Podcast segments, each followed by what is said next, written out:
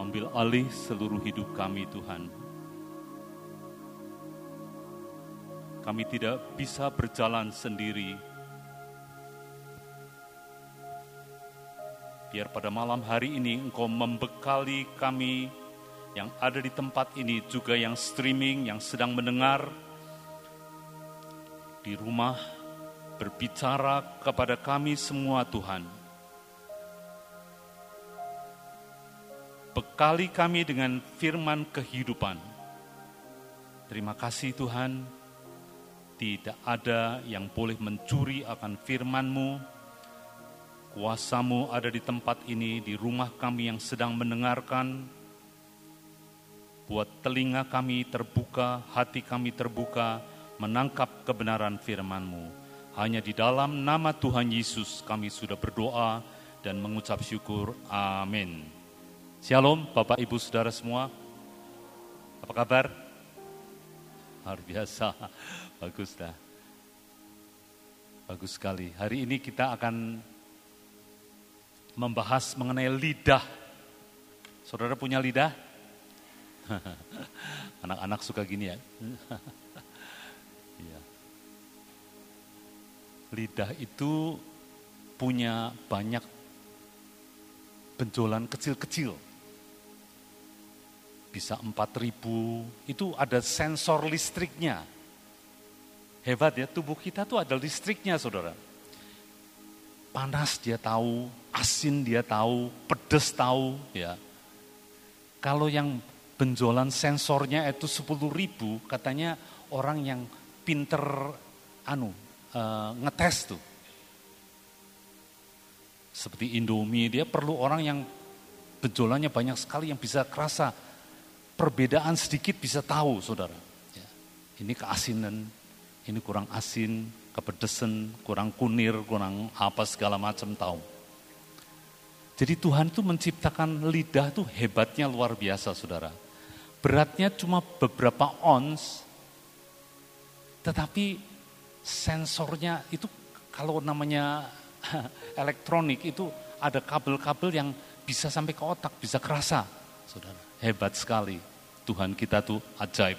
Amin saudara. Nah kita perlu menghargai apa yang Tuhan ciptakan untuk saudara dan saya. Cuma hari ini kita akan membahas melihat apa yang Yakobus bilang. Saudara Tuhan menciptakan mulut, lidah, itu sangat ajaib. Ya, saya akan mulai dengan yang pertama, tolong PowerPoint-nya ditunjukkan lidah. Yang paling atas dulu. Ya. Ya, bahasa Indonesia masa kini, lidah punya kuasa untuk menyelamatkan hidup atau merusak atau merusaknya. Orang harus menanggung akibatnya. Kalau yang bahasa in, terjemahan baru berkata, hidup dan mati dikuasai oleh lidah. Siapa suka menggemakannya akan memakan buahnya. Kita sudah sering men, men, mengulangi perkataan ini ya. Hidup dan mati dikuasai lidah, tidak dikuasai uang, Saudara. Tidak dikuasai orang tua, tidak dikuasai pekerjaan usaha Saudara tapi Alkitab yang berkata Tuhan menciptakan lidah kita, bagaimana kita memakai lidah kita itu punya pengaruh hidup atau mati. Punya kuasa untuk menyelamatkan hidup atau merusaknya.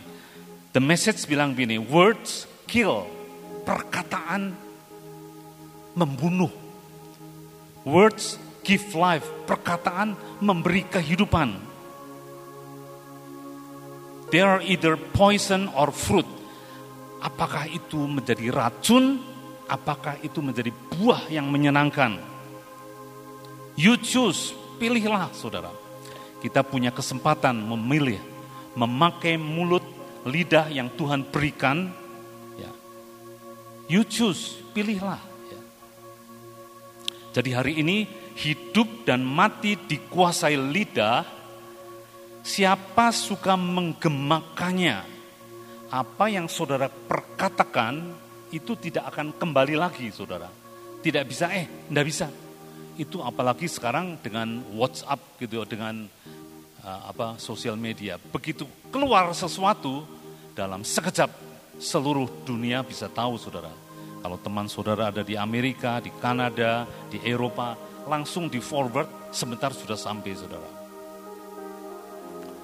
Dan itu yang sudah dikeluarkan punya pengaruh membunuh atau memberi kehidupan.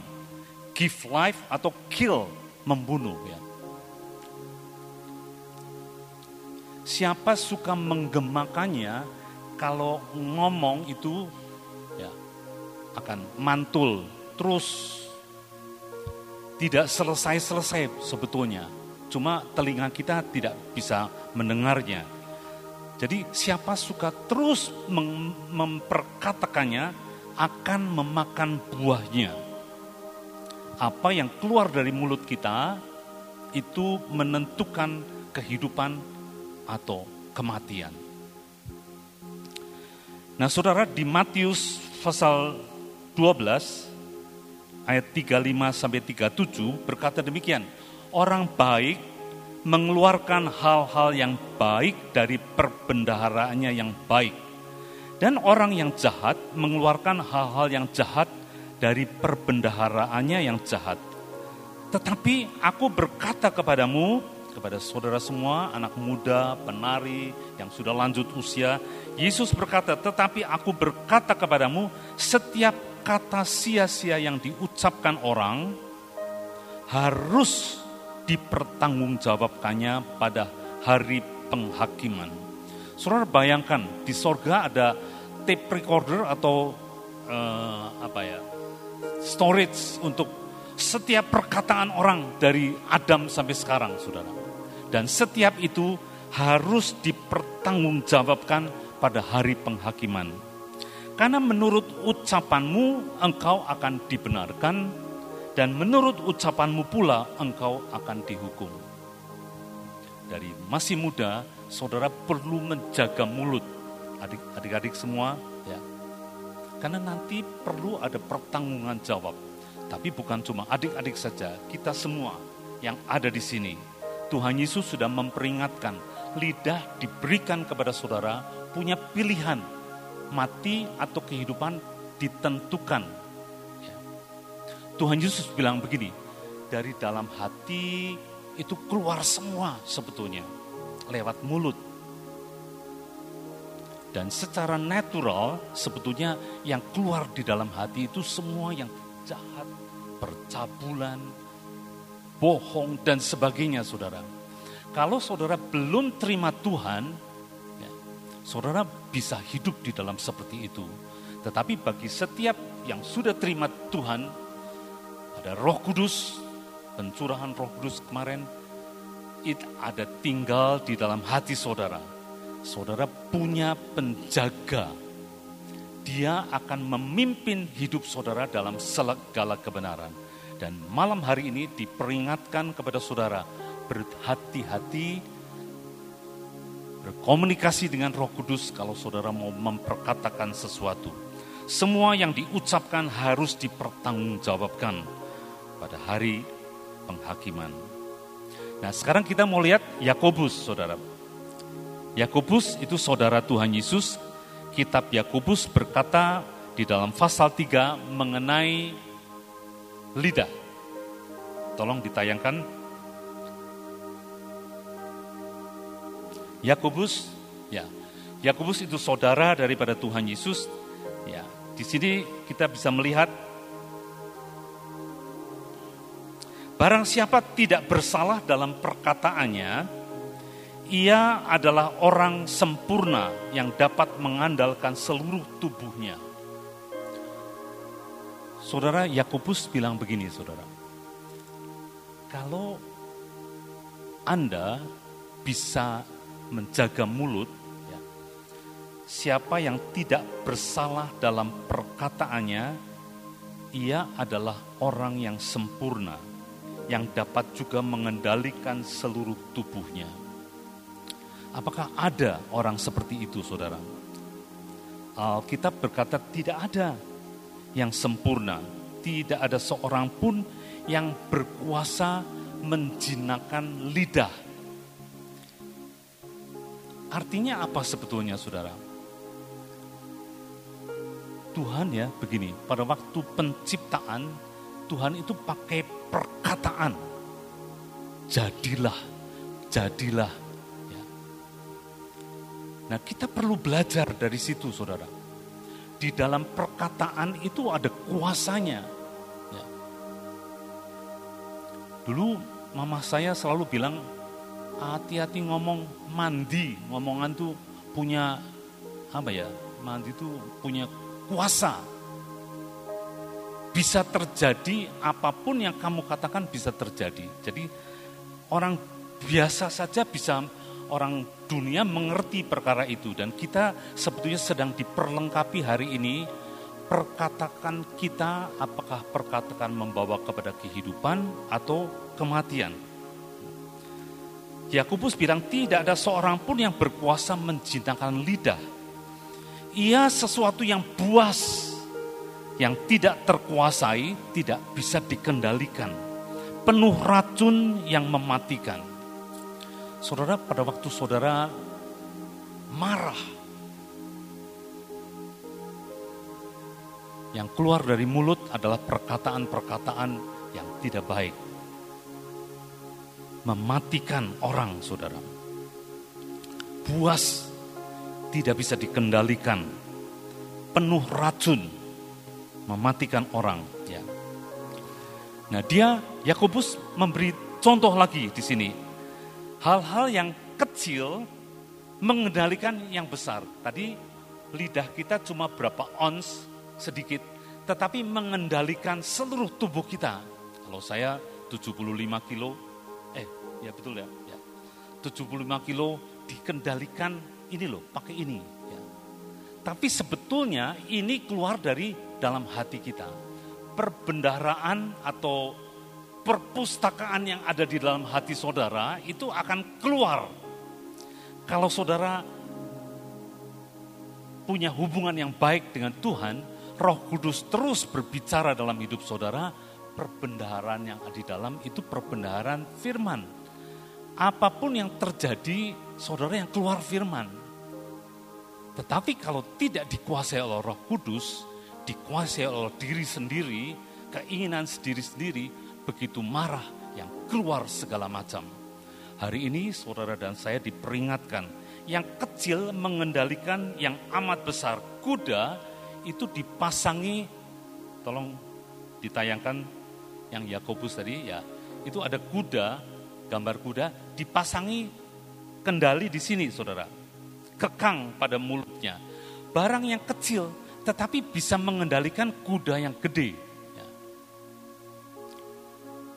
Lalu kapal, kapal yang besar itu di bawahnya, di bawah sekali ada rudder, ada kemudi, eh, Indonesianya bilang kemudi, tapi bahasa Inggrisnya rudder itu dia kalau sama eh, apa ya, ke, juru mudinya diputer, ininya juga muter sehingga kapal yang besar tadi akan berbelok sesuai dengan dikendalikan oleh pengemudinya, saudara.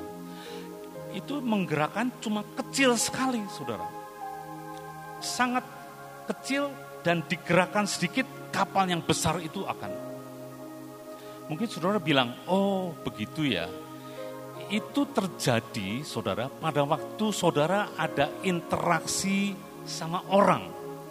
Kalau saudara cuma di gunung saja, ya apa yang mau diomong saudara. Saudara tidak bertemu dengan orang, besi menajamkan besi katanya. Kalau sudah mulai ketemu orang yang rewel, wah saudara mulai ada keluar macam-macam. Tetapi kalau saudara menyendiri, tapi Tuhan tidak kepengen begitu. Karena Tuhan bilang bahwa saudara adalah garam dunia. Garam itu harus larut, harus masuk ke dalam lingkungan saudara. Baru mempunyai pengaruh.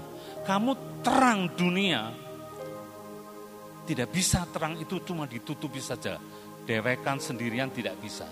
Jadi saudara, kapal atau kuda kalau dia lagi diem tidak ada gunanya. Ditarik sana sini oh lagi diem. Tapi kalau lagi berjalan dengan cepat dengan tarikan sedikit saja kuda itu sudah belok kanan atau belok kiri. Saudara seperti saudara yang drive mobil, setel mobil. Saudara kalau uh, jalannya melengkung sedikit, setirnya itu seperti tidak kelihatan, cuma ditarik sedikit saja sebelah ke kanan, dia akan ngikutin saudara. Kapal juga sama saja.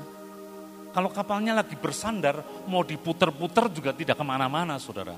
Tetapi pada waktu ada interaksi antara saudara dengan saudara yang lain, ya kita tuh berkumpul di sini kan ketemu sama orang, saudara. Bermacam-macam sekali reaksinya. Mau masuk lift, eh ada anak muda yang masuk dulu. Ya. Mungkin di hati ada omong begini-begini ya. Nah itu kita sedang ada interaksi yang keluar seperti apa. Nah, amat kecil tapi mengendalikan yang amat besar.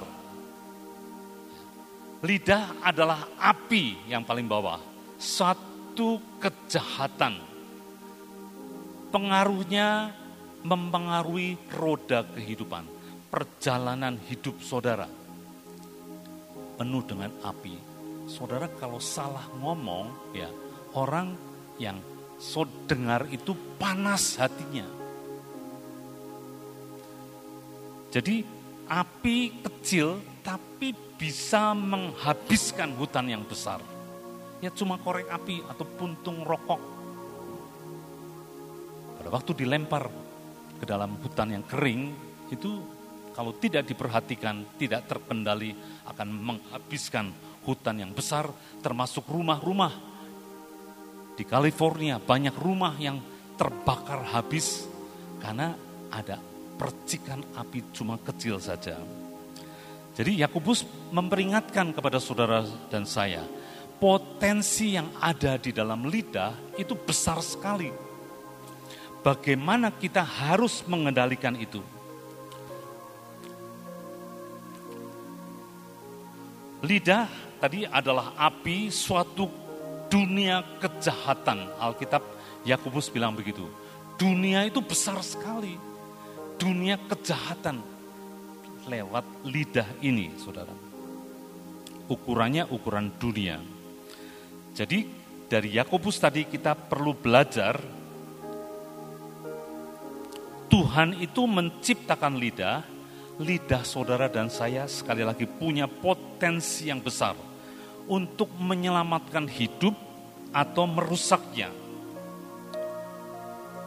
Hidup dan mati dikuasai lidah. Siapa suka mengemakannya akan memakan buahnya. Pilihlah kehidupan. Saudara, di dalam hari-hari ini saya banyak berenung mengenai Mazmur 107. Tolong ditayangkan Mazmur 107 ayat 20. Disampaikannya firmanya dan disembuhkannya mereka. Diluputkannya mereka dari liang kubur. Disampaikannya firman Saudara firman harus sampai. Saudara sering kali kita membaca firman melandang. Melandang tahu ya saudara? Ya. Tidak sampai. Tetapi kalau saudara mau mengalami kesembuhan, pemulihan, itu firman harus sampai kepada saudara. Kayak orang nganterin barang tuh. Ya. Sebelum sampai rumah saudara diperiksa dulu ini nomornya betul kalau saudara beli Tokopedia, kadang-kadang kita menunggu lama dia memastikan bahwa itu betul bahwa, dan kalau sudah dipotret saudara.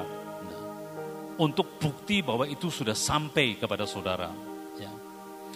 Nah firman, kalau saudara mau mengalami kehidupan, mengalami disembuhkan, dipulihkan, firman itu harus sampai. Bagaimana firman itu sampai? Alkitab berkata bahwa firman itu ketutupan sebetulnya. Ya. Harus digali, dibaca berkali-kali, minta roh kudus yang menolong orang yang menulis akan kitab tadi, Roh Kudus, Roh yang sama itu menerangi hati kita sehingga kita mengerti pada waktu kita menangkap perkataan firman itu namanya perkataannya sampai kepada saudara. Dan kalau sudah sampai perkataan tadi mulai bekerja dalam hidup saudara. Melakukan menyembuhkan hidup saudara. Ya. Amin saudara. Ya, saya mau cerita sedikit 27 tahun yang lalu saudara saya kan ada usaha peti, saudara, kasket. Waktu itu ada masalah, saudara, itu tahun 93 kurang lebih ya. Ada masalah teknis, sampai saya bilang sama Tuhan, Tuhan saya mau berhenti saja. Walaupun sebetulnya pada waktu mulai membuat peti tadi, kasket, kami sudah berdoa, Ibu Tin dan saya berdoa, dan Tuhan berkata baik untuk dikerjakan. Tetapi pada waktu mengalami suatu masalah teknis, saya berkata, Tuhan saya mau berhenti. Saya mau berhenti Tuhan. Sambil nangis saya bilang, saya tidak mau melanjutkan. Tetapi saya ingat pada waktu itu persekutuan itu hari Selasa dan setiap Senin itu ada pertemuan tim inti ya. Tanpa dispesialkan, tidak dikhususkan, pada waktu itu pembacaannya dari Yesaya 54 ayat 1 saudara. Berkata begini, bersorak-sorailah si mandul, bergembiralah dengan sorak-sorai, dan memekiklah.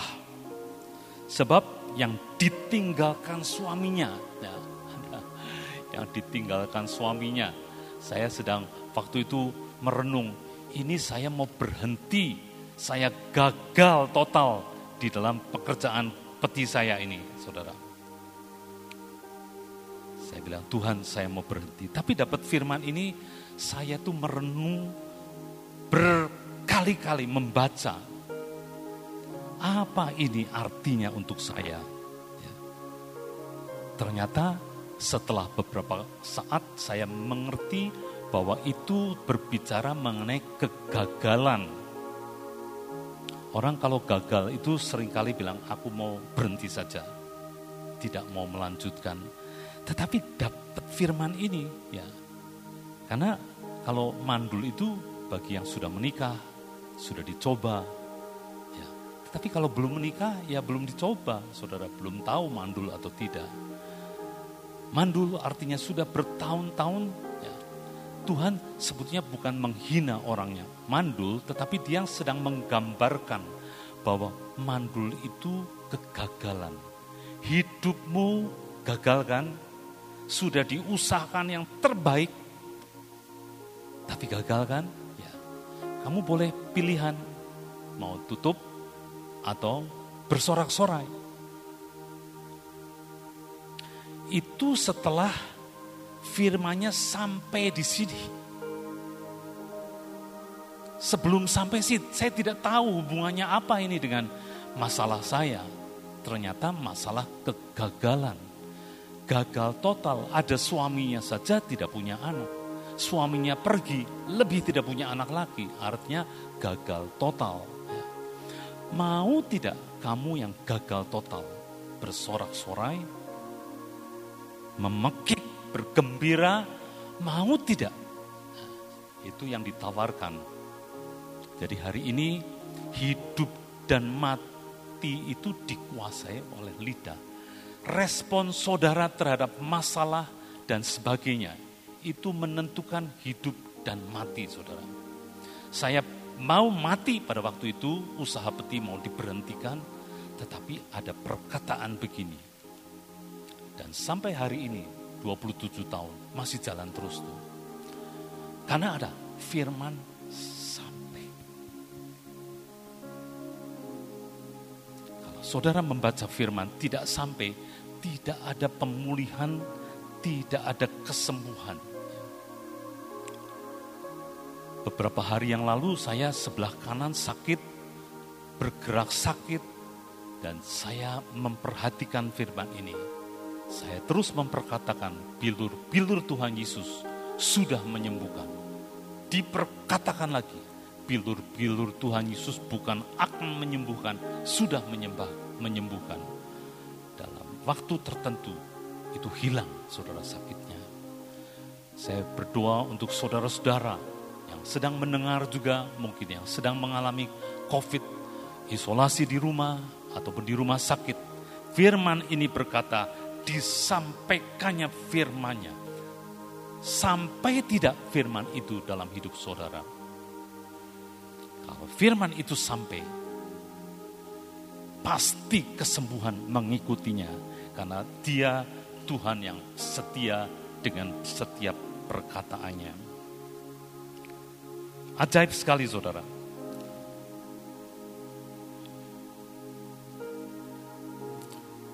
Lalu pada waktu penciptaan saudara, di kejadian pasal 1 ayat 2 firman Tuhan berkata begini, Bumi tok tok tok Ya, oke. Okay. Pada bumi belum berbentuk dan kosong. Gelap gulita menutupi samudera raya dan roh Allah melayang-layang di atas permukaan air. Ada kegelapan, ada air, ada roh Allah yang melayang-layang di atas permukaan air, saudara. Lalu dilanjutkan berfirman Allah pasal berfirmanlah Allah jadilah terang lalu terang itu jadi saudara sebelum Tuhan berfirman memperkatakan jadilah terang keadaan itu gelap belum berbentuk kosong, gelap kulita, ada air, tapi ada roh Allah, saudara. Jadi kalau ada roh Allah, tidak selalu ada sesuatu yang berubah, saudara. Sekali lagi ya, roh Allah ada melayang-layang di atas permukaan. Suasana masih gelap. Saudara, pencurahan roh kudus, roh kudus diterima sama rasul-rasul pada waktu itu, Petrus orang sederhana bisa khotbah dan 3000 orang bertobat, Saudara. Orang Galilea, logat Galilea, ya. Pada waktu dia menyangkal Tuhan Yesus, orang bilang, "Ya, kamu sudah pasti logatmu begitu, kamu muridnya." Bukan, tidak mengenal dia saya, dia bilang begitu. Tetapi pada waktu pencurahan roh kudus, beraninya luar biasa saudara. Dia berkhotbah 3000 orang. Nah saudara, sebelum Tuhan berkata, situasinya itu gelap. Roh ada. Karena saudara sudah terima Tuhan Yesus Roh Kudus tinggal di dalam hati saudara seperti yang kita nyanyikan tadi, ya. Tetapi sebelum kita mencontoh, ini diajarin sama Tuhan sebetulnya dalam penciptaan tadi. Sebelum ada perkataan keluar, keadaan saudara masih gelap sebetulnya. Secara mungkin hubungan keluarga, ekonomi, keuangan, anak-anak, masalah ini dan itu, ya. Keadaan gelap dan Tuhan mengajarkan saudara, walaupun roh Allah ada di dalam saudara, saudara harus bertindak seperti yang Tuhan tunjukkan di sini. Harus memperkatakan keluar dari mulut ini, ya istilahnya deklarasi saudara tiap pagi deklarasi, ya itu dari yang dalam ini diperkatakan itu akan menghidupi semuanya. Karena begitu Tuhan berfirman, jadilah terang, lalu terang itu jadi, saudara. Kegelapan diganti sama terang. Jadi saudara perlu memperkatakan. Sudah tahu semua kan? Ya, hal ini cuma diingatkan lagi pada malam hari ini. Ya. Ada roh Tuhan kalau saudara cuma diem saja, ya, kegelapan akan menguasai hidup saudara. Saudara mungkin sedang mengalami masalah usaha, banyak dikatakan di tengah-tengah pandemik ini, banyak kesulitan-kesulitan. Tetapi saudara harus belajar memperkatakan bahwa Tuhanku lebih hebat daripada kesulitan. Tuhanku punya kuasa untuk melakukan segala perkara. Perkataan itu punya kuasa. Saya dari zaman dulu kalau doa sama istri saya pagi selalu berdoa minta embun pagi saudara. Akhir-akhir ini karena saya suka bilang begini, Tuhan embun pagimu turunkan kepada keluarga kami, kepada saya,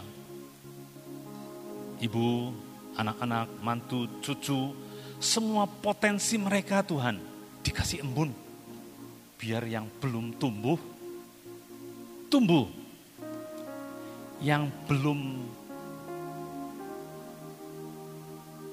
apa belum beroperasi memang belum waktunya, ya tunggu waktunya. Tapi kalau sudah waktunya Tuhan, Engkau tumbuhkan semua potensi yang ada di dalam keluarga saya. Bahkan saya tambahin lagi, saya minta Tuhan berbuah seribu kali lipat Ibu Nani pernah bilang, ditambahin seribu kali lipat. Lalu pada waktu kami juga berdoa, tutup bungkus semua kekayaan, properti, peralatan, mesin-mesin yang kau berikan untuk bisa berfungsi dengan baik. Itu tetap harus diperkatakan, kadang-kadang mesin itu menolong orang, saudara. Ya, kalau kalau suruh gergaji, egrek-egrek itu suwe saudara, tidak kelar-kelar. Sedangkan goal saya tulisan firman sampai ke ujung bumi ya. Jadi mesin itu menolong sekali. Saya berdoa mesin tadi berfungsi dan menghasilkan seribu kali lipat. Kadang-kadang pernah beberapa kali mesin itu menyakiti akan pegawai saudara. Ada yang tangannya sampai putus gara-gara gergaji. Ya. Memang menolong, tetapi kalau tidak hati-hati ya melukai. Ya. Saya bilang sama mereka, mau gini-gini, lama sekali ndak potong-potong kayunya atau pakai ini. Kalau pakai mesin, halus, begitu dipotong sudah halus saudara. Bagus semuanya. Ya, ya pakai ini pak. Ya. Jadi saya bilang hati-hati, tidak ada onderdilnya. Hmm. Jadi mereka setiap hari juga didoakan untuk. Jadi tiap pagi berdoa seperti itu, minta agar Tuhan itu kirimkan malaikat berjaga menjaga untuk kami boleh menikmati yang terbaik daripada Tuhan. Saudara, satu saat beberapa bulan yang lalu saya dapat ide bikin salib dengan cara begini gitu saudara. Lalu saya bilang bilang sama anak saya, bilang sama ya cucu saya juga, ini harus dibikin jumlah banyak. Saudara, hari-hari ini tuh kalau orang pesen tuh ribuan, saudara. Ya.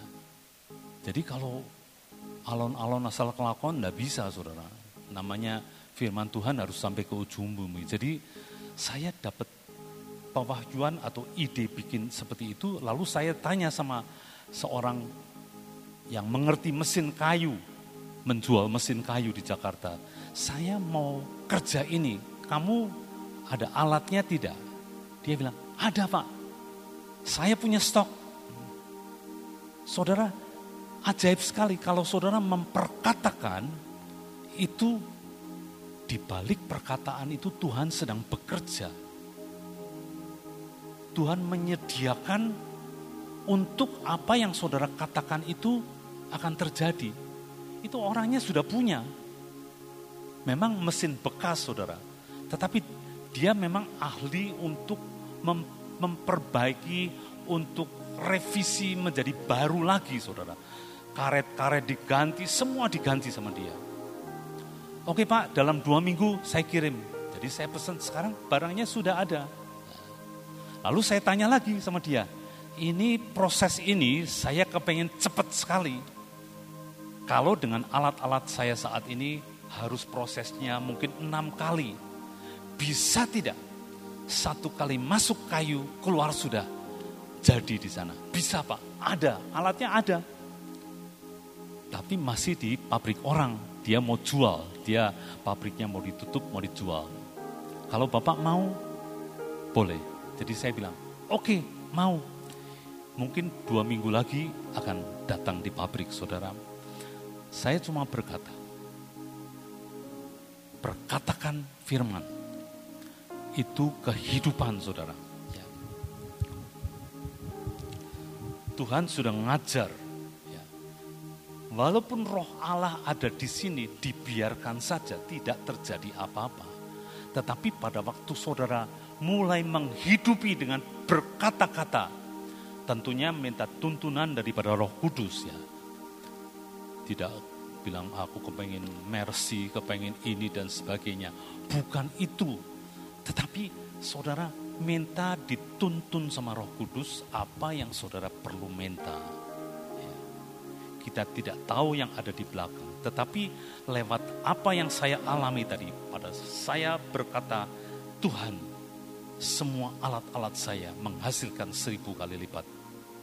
Itu Tuhan bekerja dengan sangat ajaib.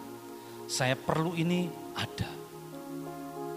Ada yang perlu tunggu harus beli dari Taiwan, tapi datang juga sampai ke pabrik saudara. Semua yang diperlukan sedang Tuhan kirimkan. Karena anak saya bilang, mau jual produk sampai ke ujung bumi aku tuh murah. Katanya firman sampai ke ujung bumi. Kalau mahal yang tidak sampai ujung bumi harus murah. Jadi sekarang dulu kerjanya uh, kerajinan tangan saudara. Kerajinan tangan ya satu-satu dikerjakan ya. Ini sedang dalam proses untuk bisa bikin yang banyak dan cepat saudara. Jadi saya mengalami seperti itu. Sekali lagi, kita perlu berkata-kata. Tuhan Yesus bilang begini, Aku berkata dari Markus 11 ayat 23. Ya, aku berkata kepadamu, sesungguhnya barang siapa berkata kepada gunung ini, ya, beranjaklah dan tercampaklah ke dalam laut. Asal tidak bimbang hatinya, tetapi percaya bahwa apa yang dikatakannya itu akan terjadi, maka hal itu akan terjadi baginya. Tuhan Yesus juga ngajar terhadap masalah harus diperkatakan gunung. Bukan kita nunggu gunungnya nyingkir sendiri, diperkatakan. Pada waktu saudara mulai memperkatakan, Tuhan bekerja di balik layar, semuanya diatur sama Tuhan sampai masalah itu menjadi ada hamba Tuhan yang bilang jadi apa? Masnya Allah. Saya ingat ya, barusan ingat tuh. Masalah dirubah menjadi masnya Allah.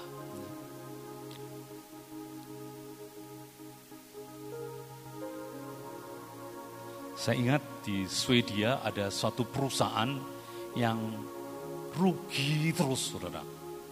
Lalu orang-orang Kristen mulai datang ke tempat perusahaannya mendoakan ya. Pada waktu mendoakan ada orang di situ yang diberitahu sama Tuhan, ada di sini sebetulnya yang bisa menolong akan perusahaan ini yang tidak pernah dipakai. Ternyata perusahaan itu punya waste, waste itu sisa-sisa. Banyaknya luar biasa. Perusahaan kayu ini. Mereka bilang, kalau ini engkau rubah menjadi suatu produk, itu hebat sekali. Itu akan menunjang perusahaanmu akan menjadi hidup kembali.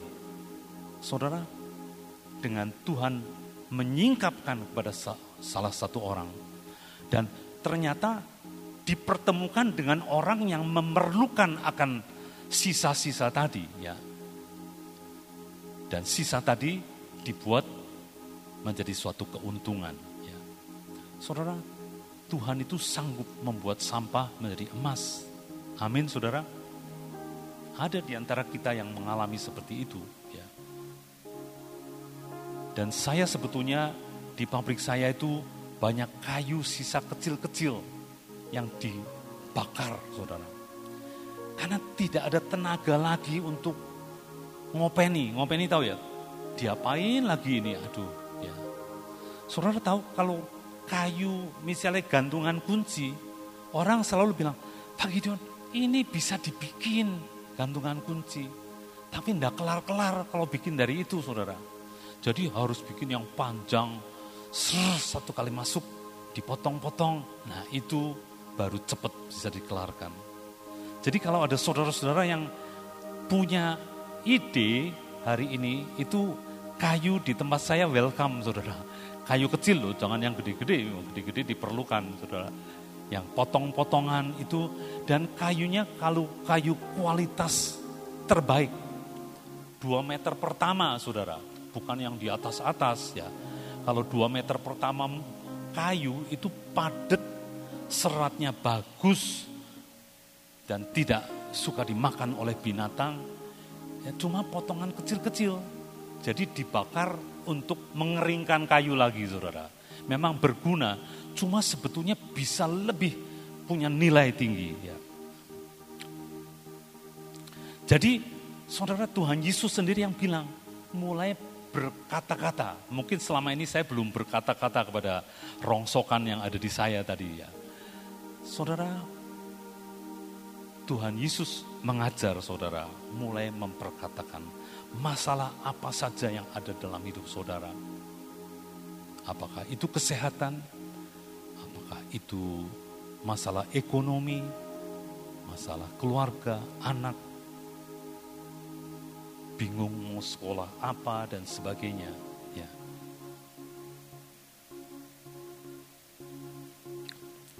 Nah, kita perlu dari apa yang dikatakan oleh Yakobus sebetulnya membuat hati itu aduh tidak ada orang yang sempurna. Lidah itu Yakobus bilang manusia tidak bisa menjinakkan. Tetapi Roh Kudus bisa, Saudara. Pada waktu Saudara menyerahkan hidup kepada Roh Kudus, Saudara dituntun langkah demi langkah. Apa pun yang terjadi mungkin tidak enak dalam hidup saudara. Saudara punya firman. Allah turut bekerja dalam segala sesuatu untuk mendatangkan kebaikan. Percaya sama Tuhan. Paulus berkata, kalau kesesakan banyak, itu kasih karunia Tuhan lebih banyak lagi dalam hidup dia. Itu perkataan orang-orang yang sudah mengalami Tuhan dalam hidupnya. Jadi mulut tadi punya potensi yang hebat atau potensi menghancurkan hidup saudara. Minta seperti firman ini. Awasilah mulutku. Tok tok tok Awasilah mulutku ya Tuhan, berjagalah pada pintu bibirku. Minta Tuhan, roh kudus menjaga sehingga perkataan saudara, perkataan yang menghidupkan, perkataan kepada anak saudara, perkataan kepada pegawai saudara, apa pun itu menghidupkan, bukan mematikan Lalu yang kedua, jangan buru-buru. Bagaimana? Jangan terburu-buru, terlalu cepat untuk berkata-kata. Ya. Dari Yakobus 1 ayat 19 berkata begini, Hai saudara-saudara yang kukasihi, ingatlah hal ini, setiap orang hendaklah cepat untuk mendengar, tetapi lambat untuk berkata-kata, juga lambat untuk marah. Marah tidak mendatangkan kebaikan, saudara. Tapi mungkin ngertinya kalau sudah habis marah, saudara. Apalagi habis marah ternyata orangnya tidak melakukan. Cuma dugaan. Terpaksa kita harus apa? Minta maaf. Wis ketelanjur. Perkataan yang keluar itu tidak bisa disedot lagi saudara. Jalan terus. Tidak bisa dihapus. Jadi jangan cepat-cepat untuk berkata-kata. Ya. Sekali lagi tanya Roh Kudus, ini WA ini benar atau tidak? Banyak orang yang senang forward, ya. dilanjutkan, kirim ke sana ke sana. ini bagus, ini bagus. Ternyata belakangan, wah itu hoax. ampun, ampun, harus kirim lagi maaf, itu tadi hoax. Ya. Jangan terburu-buru. Lalu belajar mengekang lidah, saudara. Jika ada seorang yang menganggap dirinya beribadah, tetapi tidak mengekang lidahnya, ia menipu dirinya sendiri, maka sia-sialah ibadahnya. Ibadah saudara bukan cuma di sini. Pada waktu terjadi interaksi dengan orang lain, saudara. Mungkin saudara dihina, orang pinjam tidak dikembalikan, ada orang menipu saudara dan sebagainya. Kita perlu berjaga-jaga terhadap lidah kita kita perlu mengucapkan, saudara, bagian yang lain, mengucapkan yang kita yakini, ya. Alkitab itu selalu berbicara kepada akhirnya, saudara. Gideon yang sedang takut, dia mengirik di tempat pengir, uh, pemerasan anggur, artinya di tempat yang dalam, biar orang Midian tidak bisa lihat. Dia yang orang yang takut begitu, malaikat Tuhan berkata, kamu pahlawan yang gagah perkasa. Dia bilang, mana mungkin dari suku yang terkecil saya tidak bisa apa-apa. Tapi Tuhan sudah melihat nantinya seperti apa. Dan yang kita perlu perkatakan nantinya saudara. Tapi nantinya bukan karena kesombongan. Ya yang saudara yakini karena saudara merenung akan firman. Ada orang yang sukanya ngomongnya yang dia rasa, tidak enak, sakit, ini dan sebagainya. Yang dilihat tidak baik, itu yang diperkatakan. Yang dipikirkan, ini bakalan begini ini. Nanti akan begini, diperkatakan yang sedang saudara alami diperkatakan. Tetapi hari ini perkatakan yang saudara yakini. Yakini dari mana? Dari pembacaan firman. Dari perkataan-perkataan Tuhan. Tuhan itu membangkitkan terus saudara. Di dalam uh, Yeremia 33, tolong dibuka sebentar. Yeremia 33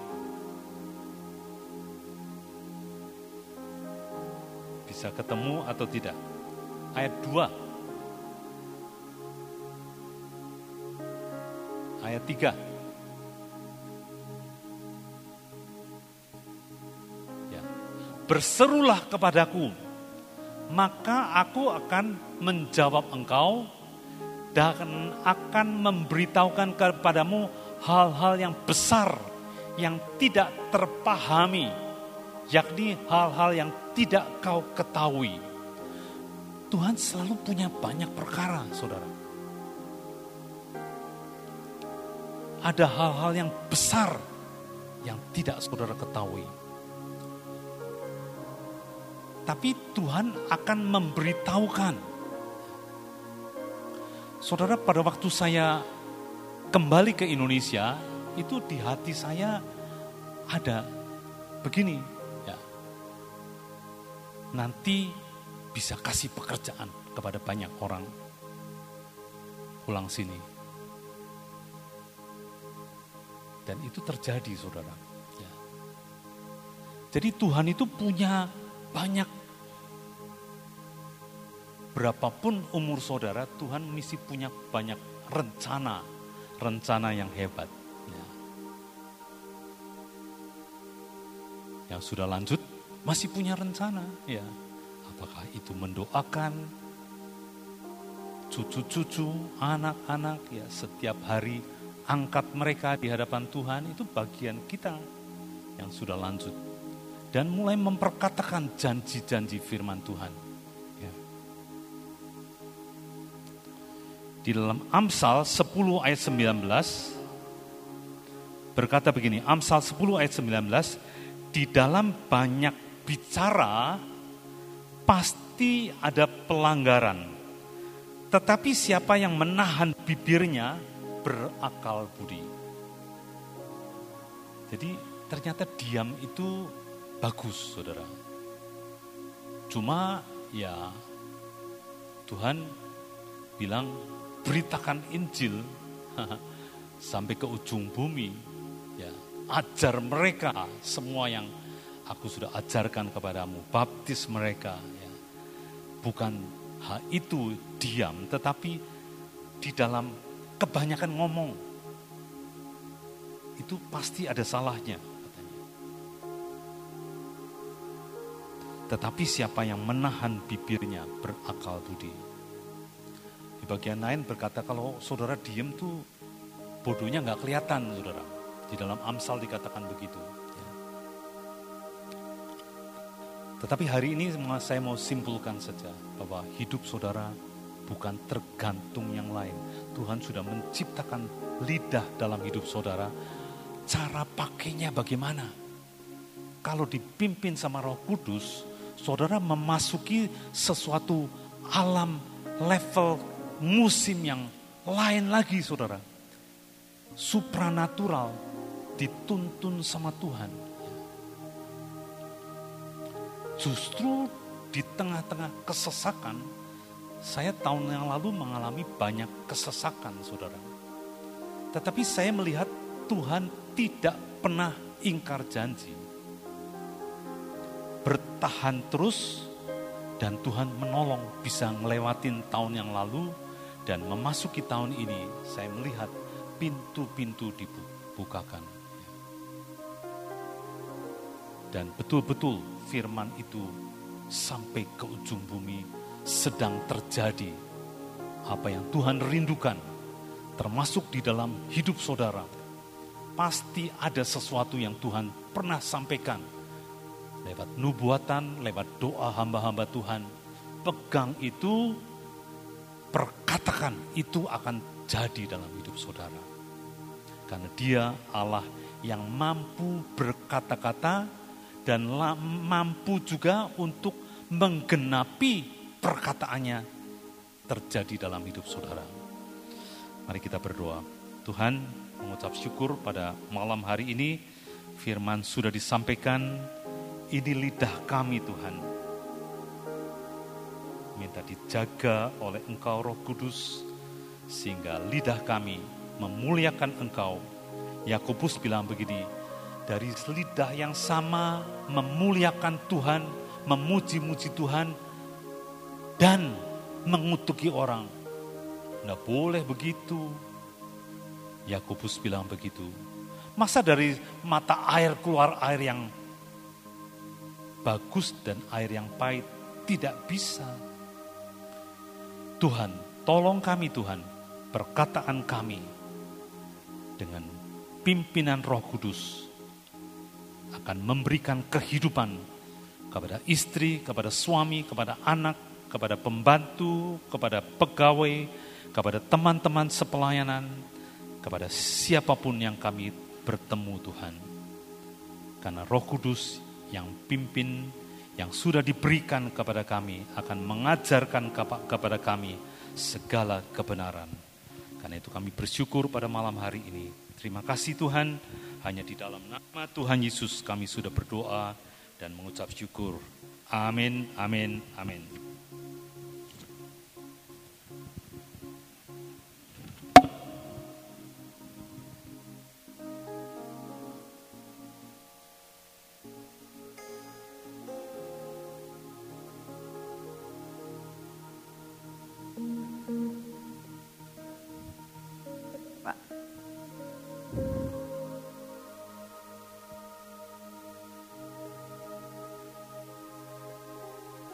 Saya percaya setiap kita punya lidah. Setiap kita punya mulut. Jadi yang Tuhan inginkan lebih berhati-hati. Salah satu hal yang saya sering uh, lakukan ya untuk menjaga dalam kehidupan saya. Kalau ada yang orang ngomong, saya tuh diem. Itu belajar untuk mengekang diri untuk tidak menjawab. Ya, saya diam, sambil mikir, saya baru menjawab. Karena itu adalah sesuatu hal yang saya rasakan lebih tepat di dalam kita menjawabnya kalau ada yang menanya daripada kita cepat jawab. Belum tentu yang menjadi jawaban itu pas di hati orang itu dan belum tentu menjadi berkat. Saya percaya dengan apa yang disampaikan oleh Pak Gideon ini membawa kita lebih berhati-hati dalam segala sesuatu. Karena mau tidak mau, kita itu harus menjadi berkat dalam setiap perkataan kita. Amin. Ada pengumuman? Ada? Ya.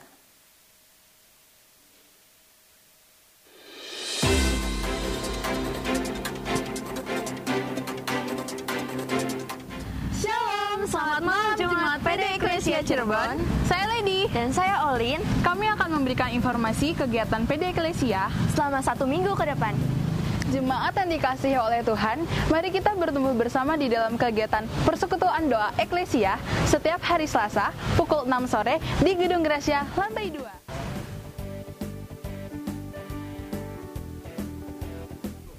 Hai guys, buat kalian nih, khususnya untuk anak muda, kita punya ibadah loh, ibadah Lifeguard Youth Community setiap hari Jumat jam 6 sore, tepatnya di Gedung Rahasia, lantai 2. Untuk informasi lebih lanjut, kalian dapat memfollow Instagram kami di @lifeguard.community. See you!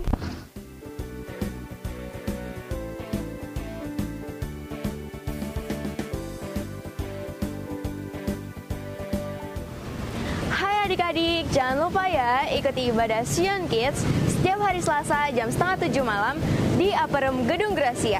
Sion Kids berakar, bertumbuh, berbuah.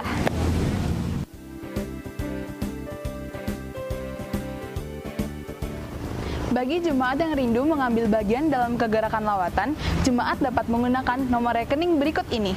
Dan kami berterima kasih kepada jemaat yang sudah berpartisipasi.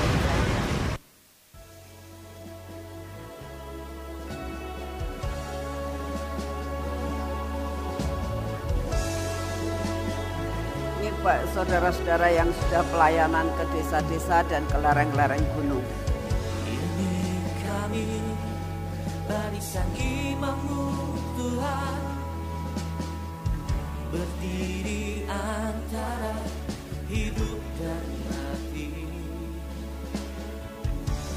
Mengangkat dupa doa. Banyak anak-anak dan ibu-ibu yang diberkati.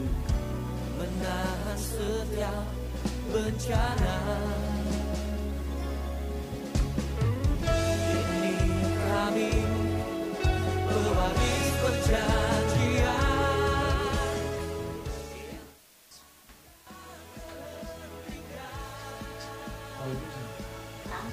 Ya, terus gerakin lagi. Ayo, tangan, tangan, bu, bu, terus bisa tak, biasa tak. Nuhun, atur nuhun. Terus dilatih ya bu. Nuhun. Mujizat terjadi saat setelah didoakan.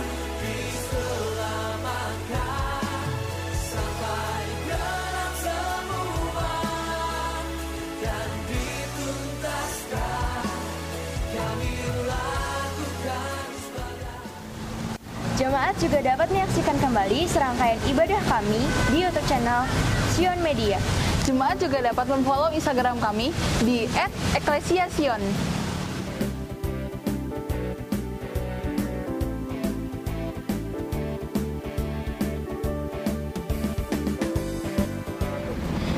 Informasi yang dapat kami sampaikan. Selamat malam, Tuhan Yesus memberkati. Buat saudara-saudara yang merindu untuk pelayanan, ini tidak tidak dikuasai oleh anak-anak muda saja ya. Buat ibu-ibu, buat bapak-bapak, baik yang masih muda maupun yang sudah tua bisa ikut pelayanan di pelawatan ya. Dengan pelawatan ini kita lakukan setiap hari Minggu memangnya. Karena Minggu adalah waktu di mana kita bisa menjadi berkat buat orang lain. Jadi kita kumpul di Gracia itu bisa menghubungi Pak Iwan, bisa menghubungi Saudara Indra Bom Bom ya. Nanti akan dikoordinir sampai kita bisa menjadi berkat setiap hari Minggu. Kita setiap hari Minggu kita mengumpulkan uang untuk bikin goodie bag untuk mem, membuat makanan-makanan kita bisa salurkan kepada mereka. Buat saudara yang merindukan atau mau memberikan persembahan, sudah ada tempatnya. Saudara boleh kirim dan saudara boleh bersama-sama bergabung dengan kita. Tuhan memberkati. Mari kita berdoa untuk memberikan persembahan yang terbaik buat Tuhan. Bapak kami mengucap syukur untuk firman-Mu pada hari ini ya Tuhan. Biar tertanam dalam hati kami. Jagai bibir mulut kami Tuhan untuk tidak berbuat dosa kepadamu. Biarlah engkau yang akan menjagai di pintu bibir mulut kami Tuhan. Supaya setiap perkataan kami menjadi berkat buat orang lain. Terima kasih untuk semuanya. Siapkan hati kami untuk memberikan yang terbaik kepadamu ya Tuhan. Kami mau memberikan yang terbaik kepadamu. Kau kuduskan dan kau sucikan persembahan kami. Engkau pakai untuk kemuliaan bagi namamu. Terima kasih untuk semuanya. Dalam nama Tuhan Yesus. Amin. Mari saudara beri yang terbaik buat Tuhan. Yesus, aku berseru, Allah menyelamatku, terpujilah aku, aku, bungamu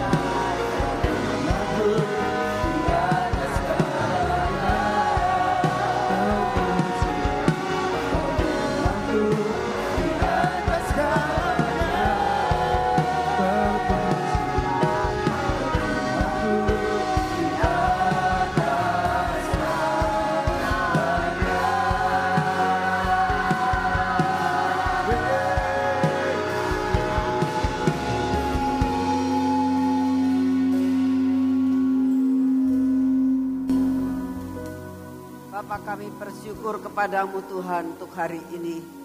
Engkau memberikan kepada kami firman-Mu. Supaya di dalam perkataan kami Tuhan, firman jadi daging atas hidup kami. Terima kasih untuk semua dan semuanya. Sebentar kami akan meninggalkan tempat ini Tuhan, kami mau pulang ke rumah kami masing-masing. Kami percaya berkat yang terbaik yang kami terima dari surga. Kami terima dengan utuh pada hari ini. Berkat yang terbaik, anugerah yang terbaik, pimpinan yang terbaik eh, kami akan terima pada hari ini. Di dalam nama Tuhan Yesus, segala sesuatu yang akan kami kerjakan akan menjadi berhasil. Engkau yang akan membubuhkan akan kuasa perkataan di dalam kehidupan kami sehingga kami mendapatkan sesuatu apa yang kami katakan, apa yang kami deklarasikan akan menjadi kenyataan dalam hidup kami. Terima kasih Bapak, segala puji hormat dan syukur kami naikkan di hadapanmu. Kami pulang dengan membawa berkat yang berkelimpahan. Di dalam nama Tuhan Yesus Kristus. Amin.